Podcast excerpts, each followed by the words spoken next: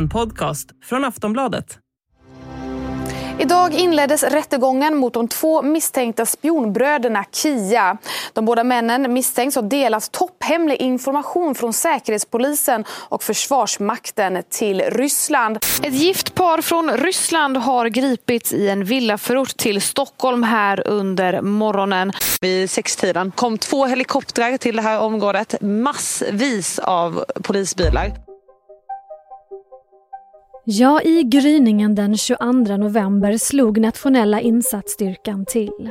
Under mycket spektakulära former gjorde de ett tillslag mot en villa i ett välbärgat kvarter i Stockholmsområdet.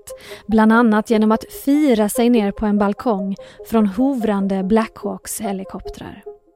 Ett par bestående av en man och en kvinna i 60-årsåldern greps. Den ena misstänkt för grov olovlig underrättelseverksamhet mot Sverige och mot främmande makt. Den andra för medhjälp.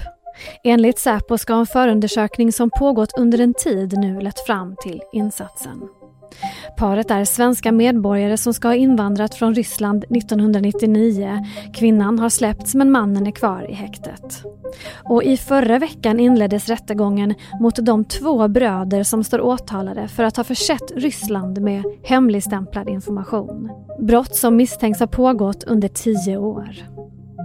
Det här är givetvis två nyheter som skakat om Sverige den senaste tiden och som väckt många frågor. Ökar underrättelseverksamheten mot Sverige? Vem har intresse av att spionera på oss?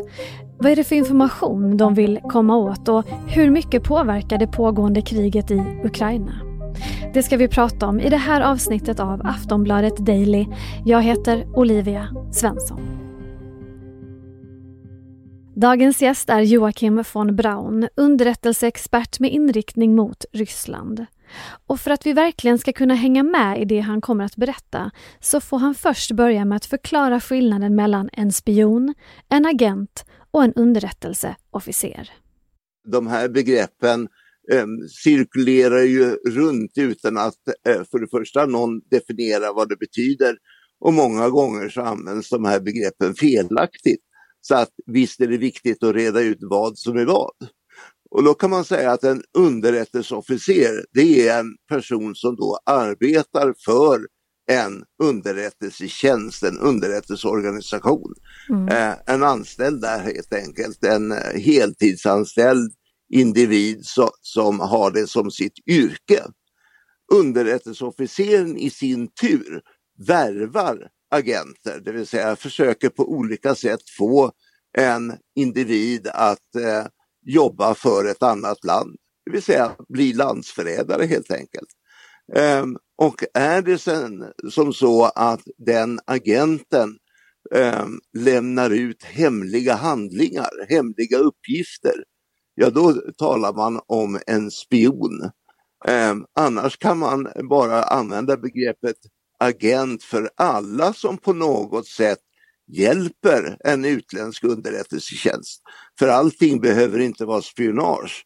Eh, man har bland annat någonting som eh, heter stödagent när man får människor som um, lånar ut sin eh, lägenhet för möten, lånar ut sin bil så att eh, den utländska underrättelseofficeren slipper använda sin diplomatbil till exempel. Så att eh, um, går man in i detalj så finns det många olika eh, begrepp men eh, underrättelseofficer, agent och spion är de tre viktigaste. Och då vill man ju veta hur kommer man till det att man blir en agent eller till och med en spion? Hur går det till? Ja det är så att eh, underrättelseofficerarna, de ryska underrättelseofficerarna har så kallade täckbefattningar på den ryska ambassaden, på deras konsulat och på deras handelsdelegation. Så att de låtsas vara till exempel förste sekreterare eller handelstjänsteman, eh, konsul eller någonting liknande. Medan i själva verket är de då en officer i eh, ryska underrättelsetjänsten SVR eller i den militära underrättelsetjänsten GRU. De i sin tur då värvar de här spionerna och det gör man genom att leta reda på för det första de olika myndigheter och företag som man är intresserad av. Och där försöker man då ta reda på vilka är det som arbetar på respektive myndighet och företag. Och sedan när man vet namnen på dem så försöker man leta reda på människor som man på olika sätt kan närma sig och börja bli vän med och få kontakt med och så vidare för att så småningom vaska fram ett fåtal kandidater som kanske skulle kunna bli agenter för Ryssland. Så det är en långvarig process. Och just nu så har vi ju då haft två aktuella fall som, som rullas upp. Vi har haft åtalet mot de två bröderna. Vi har haft ett ryskt par som greps i Stockholm nyligen. Hur har du reagerat på de här aktuella eh, situationerna, fallen? Ja, jag har ju blivit lite förvånad att de har dykt upp samtidigt. Eh, för det är ju två omfattande fall, men det är antagligen som så att det har skett saker som har gjort att de eh, bägge har kommit upp ungefär samtidigt. Eh, det här har ju då Säkerhetspolisen och, eh, ledda utav åklagare bedrivit en förundersökning under åtskilliga år. Eh, och det ska man komma ihåg att den här typen utav förundersökningar kan ta mycket, mycket lång tid. Och det är det som gör eh, de här fallen väldigt svårutredda. Nu ska vi vara glada att det inte var som förr i tiden. Eh, Stig Wennerström som greps 1963, honom hade man varit, eh, jobbat med i 20 års tid. Oj. Och då kan man förstå hur svårt det är att hitta bevis mot spioner därför att mycket av deras eh, verksamhet sker verkligen dolt för omgivningen. Det är svårt att hitta bevis för eh, deras kontakter mellan agenten, spionen å ena sidan och den ryska underrättelseofficeren å den andra sidan. Eh, så det är de ofta skickliga på att, att dölja. Men är vi bättre på att avslöja den här typen av operationer nu eller tror du att det bedrivs mer operationer? menar, nu har vi två aktuella fall. Är det mer aktivitet i Sverige just nu? Det är det definitivt. Eh, för det första så har det skett en ökning från Rysslands sida med underrättelseverksamhet mot omgivningen sedan eh, Vladimir Putin blev diktator i landet. Eh, så att man satsar mera på att försöka stjäla hemligheter i olika västländer. Eh, och det betyder då att man skickar ut flera underrättelseofficerare vars arbete är att värva agenter i andra länder. Eh, men sen tror jag också att vi i Sverige är ganska duktiga på att eh, leta reda på den här typen av verksamhet, både genom att se vilka myndigheter, vilka företag är utsatta för ryskt intresse och sedan också hitta dem eh, som ryssarna vaskar fram som möjliga eh, spioner för Rysslands räkning. Mm. Så att det är en kombination av flera faktorer som har inträffat samtidigt. Och en sak som verkligen har fått det hela att börja, kanske inte koka, men åtminstone sjuda, så är det ju Rysslands anfallskrig mot Ukraina. Aftonbladet Daily är strax tillbaka.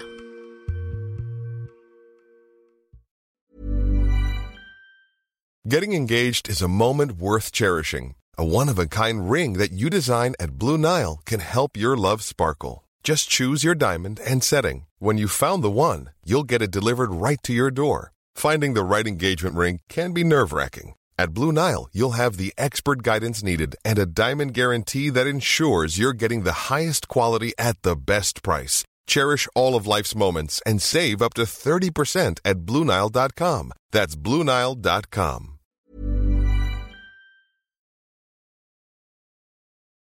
I de här fallen som vi nu pratar om också så pekar ju allt på att Ryssland då ligger bakom eh, den här misstänkta spionverksamheten.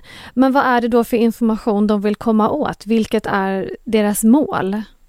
Ja, Ryssland bedriver en väldigt bred eh, verksamhet. Eh, man har naturligtvis militära mål, men man är också intresserad av att påverka svensk utrikes, försvars och säkerhetspolitik. Man försöker påverka politiker och journalister att eh, skriva positivt om Ryssland. Inte den lättaste saken i världen, eh, särskilt inte nu under kriget. Eh, men man sysslar också med flyktingspionage, man sysslar med tekniksmuggling, att smuggla västerländsk eh, teknik som är embargobelagd, alltså försedd med sanktioner. Därför att eh, Ryssland har väldigt ont om västlig teknologi och kan därför inte tillverka stridsvagnar och, och annat för kriget i Ukraina. Så att det är en väldigt bred eh, verksamhet och eh, just nu skulle jag kunna tänka mig att eh, den militära underrättelseverksamheten är av särskilt stor betydelse för Ryssland. Skulle du säga att Sverige är särskilt intressant eh, som land för främmande makt? Och i så fall, varför just Sverige? Ja, för det första så är ju Sverige ett, speciellt nu när Sverige och Finland har ansökt om medlemskap i Nato så är det utav särskilt stort intresse. Men Sverige är ju också ett högteknologiskt exportland som eh, både tillverkar mycket intressant teknologi som kan ha militär eh, tillämpning och också importerar mycket teknik från andra länder som Tyskland, eh, USA och så vidare. Eh, och sedan så ligger vi ju som en viktig bit av Europa. Man ska inte glömma att från Treriksröset i norr ner till eh, Ystad i söder så är det ungefär samma sträcka som mellan Hamburg i norra Tyskland ner till Rom. Så att Sverige är på längden då ungefär halva Europa.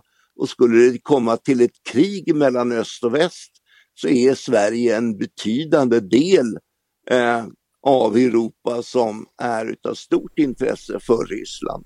Mm. Du har ju också varnat för att de här gripandena vi sett nu och de här avslöjandena som har kommit fram nu i Sverige kan vara toppen av ett isberg. Kan du berätta varför du säger så? Ja, det är ju så på grund av den omfattning eh, som Ryssland bedriver spionage mot Sverige. Eh, de har definitivt det största antalet underrättelseofficerare stationerade i Sverige som är, och är jämförelsevis mycket, mycket större än något annat land. Tyvärr ty, eh, har vi tillåtit eh, den ryska ambassaden, handelsdelegationen och så vidare att växa sig onormalt stor. Det vill säga att man har mycket diplomater och diplomatiska tjänstemän här. Eh, handelstjänstemän och så vidare trots att vi i princip inte har någon handel alls. Eh, så att eh, för närvarande betyder det ungefär att vi har bortåt ett 30-tal heltidsanställda spioner från rysk sida jobbande eh, framförallt i Stockholm. Då. Och de eh, har som huvudmål det är att värva nya agenter, nya spioner. Eh, på olika sätt eh, locka och tubba och muta och pressa svenskar till att bli landsförrädare och lämna ut svenska hemligheter till Moskva. Eh, och därför tror jag att det här kommer att säkert få, få ytterligare konsekvenser och att vi med stor sannolikhet kommer att få se eh, flera eh, sådana här spionfall framöver. När de kommer, det är inte lika lätt att säga om. Eh, för som jag sa, det tar lång tid att utreda dem. Och om det kommer redan nästa år eller om det dröjer fyra, fem år innan de kan avslöjas och, och åtalas. Ja, det eh, vet ju i princip bara eh, Ryssland och Säkerhetspolisen. Men skulle den typen av underrättelseoperationer kunna sätta rikets säkerhet på spel? Ja, det kan det göra, definitivt. Det beror ju på eh, vilka individer som man lyckas eh, få på kroken så att säga. Eh, och får man personer som ligger högt upp inom den politiska beslutshierarkin, inom den militära toppen och så vidare, så finns det naturligtvis en viss risk att eh, det kan skada eh, Sverige i ett väldigt prekärt läge. Eh, som till exempel att vi, vi tror att vi ska råka ut för en militär konflikt med Ryssland och så har man individer som blandar bort korten för oss eller också argumenterar för att nej, vi ska inte mobilisera eller vi ska inte vidta andra åtgärder och som på så sätt gör att Sverige kommer i ett sämre läge. Borde vi satsa mer på att avslöja spionage i Sverige? Har vi, har vi liksom kommit ikapp? Behöver vi mer resurser? Jo, jag tror att vi både behöver ha eh, större resurser både för Säkerhetspolisen men också för, för den militära underrättelsetjänsten och Försvarets forskningsanstalt, eller förlåt, Försvarets radioanstalt skulle jag säga. Samt också eh, Myndigheten för psykologiskt försvar. Eh, alla de behöver få eh, större resurser. För det är inte bara frågan om att, så att säga, jaga spioner. De andra myndigheterna kan också hjälpa oss att se var Ryssland har sina olika intressen. Vilka myndigheter och vilka företag är de som mest intresserade utav? Eh, vi kan inte använda alla resurser på att följa eh, ryska underrättelseofficerares resor runt om i landet. Utan man måste försöka koncentrera sig till de måltavlor som man kan bedöma att Ryssland har. Sist här Joakim von Braun, underrättelseexpert med inriktning mot Ryssland. Jag heter Olivia Svensson och du har lyssnat på ett avsnitt av Aftonbladet Daily som är Sveriges största nyhetspodd. Vi hörs igen snart. Hej då!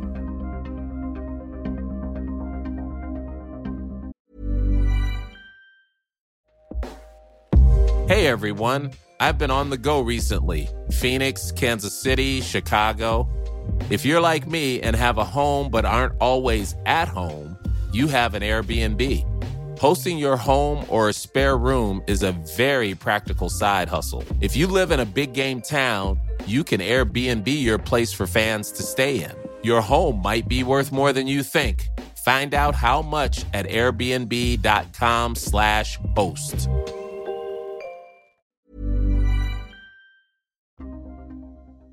Du har lyssnat på en podcast från Aftonbladet.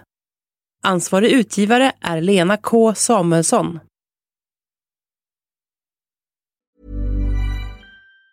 Tired of ads barging into your favorite news podcasts? Good news. Ad-free listening is available on Amazon Music. For all the music plus top podcasts included with your Prime membership. Stay up to date on everything newsworthy by downloading the Amazon Music app for free or go to amazon.com slash news ad free. That's amazon.com slash news ad free to catch up on the latest episodes without the ads.